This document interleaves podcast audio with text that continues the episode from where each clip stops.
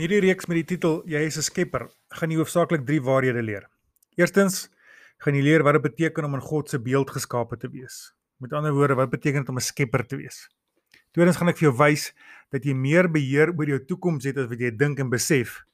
En en dis juis omdat God jou in sy beeld geskaap het, dat jy meer beheer oor jou toekoms het as wat jy tans besef.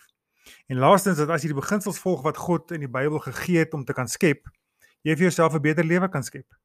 Dit wil sê beter verhoudinge kan hê, beter gesondheid, beter finansies, beter werksomstandighede en ook 'n meer winsgewende besigheid kan hê. Ek het aan die einde 2017 hierdie waarhede vir die eerste keer vir mense begin leer en het in, het in die 20 jaar wat ek nou al in die bediening is nog nooit soveel positiewe resultate en ek wil sê wonderwerkende resultate gesien van toe af tot nou. Ek dink byvoorbeeld aan 'n jong paartjie waar die man graag sy PhD oor see wou gaan doen het, maar nie die finansies gehad het nie. Hy sê sy werk moes bedank en uh, hy en sy vrou het nie genoeg spaargeld vir sy studies en verblyf gehad nie. En hy het die beginsel uit my gehoor praat hier oor, hy het die beginsels begin volg en as, as ek reg onthou binne 6 tot 9 maande het daar vir hom deure oopgegaan. Hy stans in sy 3de jaar van sy studies, PhD studies by een van die vooraanstaande universiteite in Nederland. Sy studies word vir hom betaal en hy ontvang 'n salaris terwyl hy studeer met 'n 5 jaar kontrak vir werk wanneer sy studies suksesvol wanneer hy sy studies suksesvol voltooi het. Ek dink sommer aan 'n tweede jaar student wat ook die beginsels begin volg het en binne 6 maande het sy 'n kar gekry as 'n geskenk. Ehm um, ek het getuienisse ontvang van klein sake eienaars, entrepreneurs wie se besighede begin groei het en hulle meer wins as ooit tevore maak. Mense wie se droom dit was om oor see te kon gaan net om te gaan vakansie hou, het weer eens wonderbaarlik geld ontvang om te kon gaan.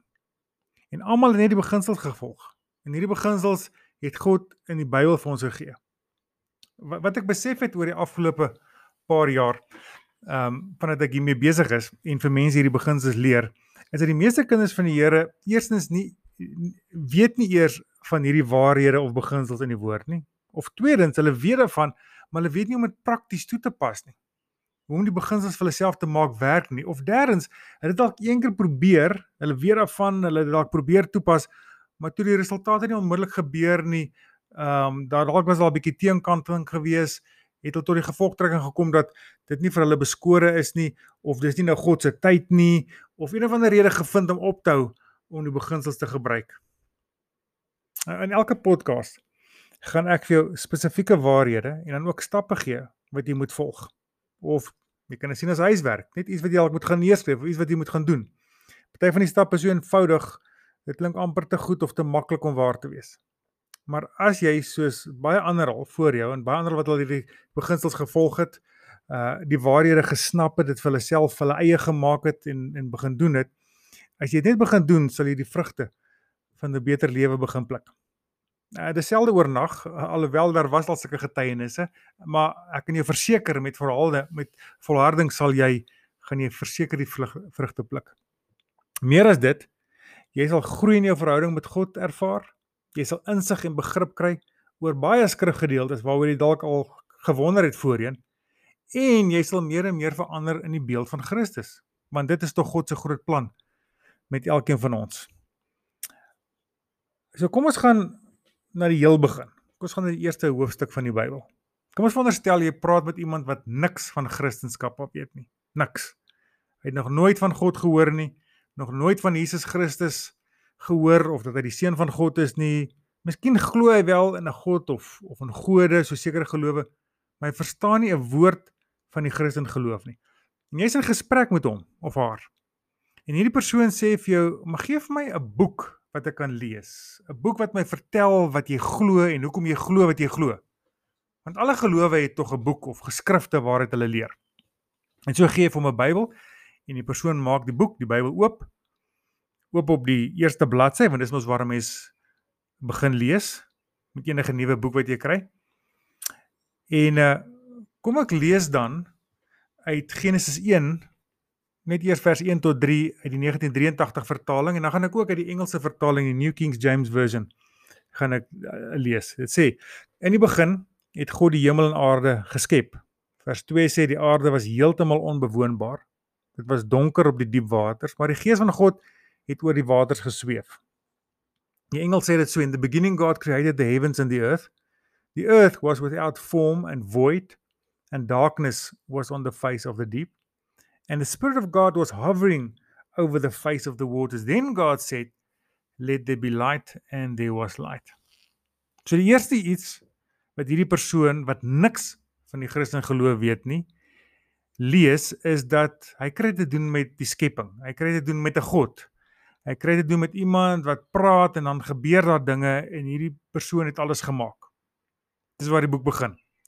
Dit doen met 'n God wat praat en dan gebeur daar iets en die God het 'n gees wanneer dit lees die gees van God het oor die waters gesweef. En dan en dan gaan ons aan van vers 4 tot 26 wat sê dat God skei die water en hy skei die lig en hy skei die donkerte, hy skei die water op die aarde en hy skei die water bo en onder en hy maak die aarde vol voëls en visse en plante en diere. En dan lees hy tot by vers 26 en daar staan Genesis 1 vers 26 tot 28. Toe het God gesê: Kom ons maak die mens as ons verteenwoordiger, ons beeld, sodat hy kan heers oor die vis in die see, die voëls in die lug, die makdiere, die wilde diere en al die diere wat op die aarde kruip. God het die mens geskep as sy verteenwoordiger, as beeld van God. Het hy die mens geskep, man en vrou het hy hulle geskep. Toe het God hulle geseën en vir hulle gesê wees vrugbaar word baie bewoon die aarde bewerk dit. Heers oor die vis in die see oor die voëls in die lug en oor al die diere op die aarde of al die diere van die aarde en ook oor die diere wat op die aarde kruip. Die Engelse vertaling sê dit so then god said let us make man in our image according to our likeness. Let them have dominion over the fish of the sea over the birds of the air and over the cattle over all the earth and over every creeping thing that creeps on the earth So God created man in his own image. In the image of God he created him. So God herhaal homself daar. Dit staan daar so God created man in his own image. In the image of God he created him. Male and female he created them. Then God blessed them and said to them be fruitful and multiply. Fill the earth and subdue it. Have dominion over the fish of the sea, over the birds of the air and over every living thing that moves on the earth. Kom ons hou net eers hier op om te lees. Wat weet ons? Of wat weet die persoon wat niks van God weet nie, niks van Christendom weet nie? Wat weet hy wat as hy as hy hier by vers 28 kom amper aan die einde van die hoofstuk, wat weet hy? sien ons dink nie eintlik so nie want ons ken die Bybel. Ek neem man jy het met die Bybel groot geword. Ons het dit Sondag gehoor. Jy het dit dalk gehoor in 'n in in 'n in 'n klas as as kind of ehm um, uh, sonnaarskool gehoor. Ons dink nie meer en gaan terug na die begin en kyk wat presies het gebeur en hoe het dit gebeur nie. As iemand niks weet van God nie. En, en hy kom aan die einde van hoofstuk 1. Wat weet hy dan eintlik? Hy weet volgens vers 1 dat God skep. Hy weet God het die vermoë om te skep. So hy weet God is 'n skepper. Tweedens hy weet in vers 2 dat God het 'n gees en dat sy gees is aktief en was aktief tydens hierdie skepingsproses. Die Bybel sê die gees van God het gesweef. Die woord sweef in Hebreëus beteken om te beweeg, te sweef, te broei, te bewe, by implikasie om te ontspan. Uh dis wat die leksikon sê van die woord. Dit is soos 'n sweef, dit is, 'n geluid wat gemaak word so woe woe woe woe.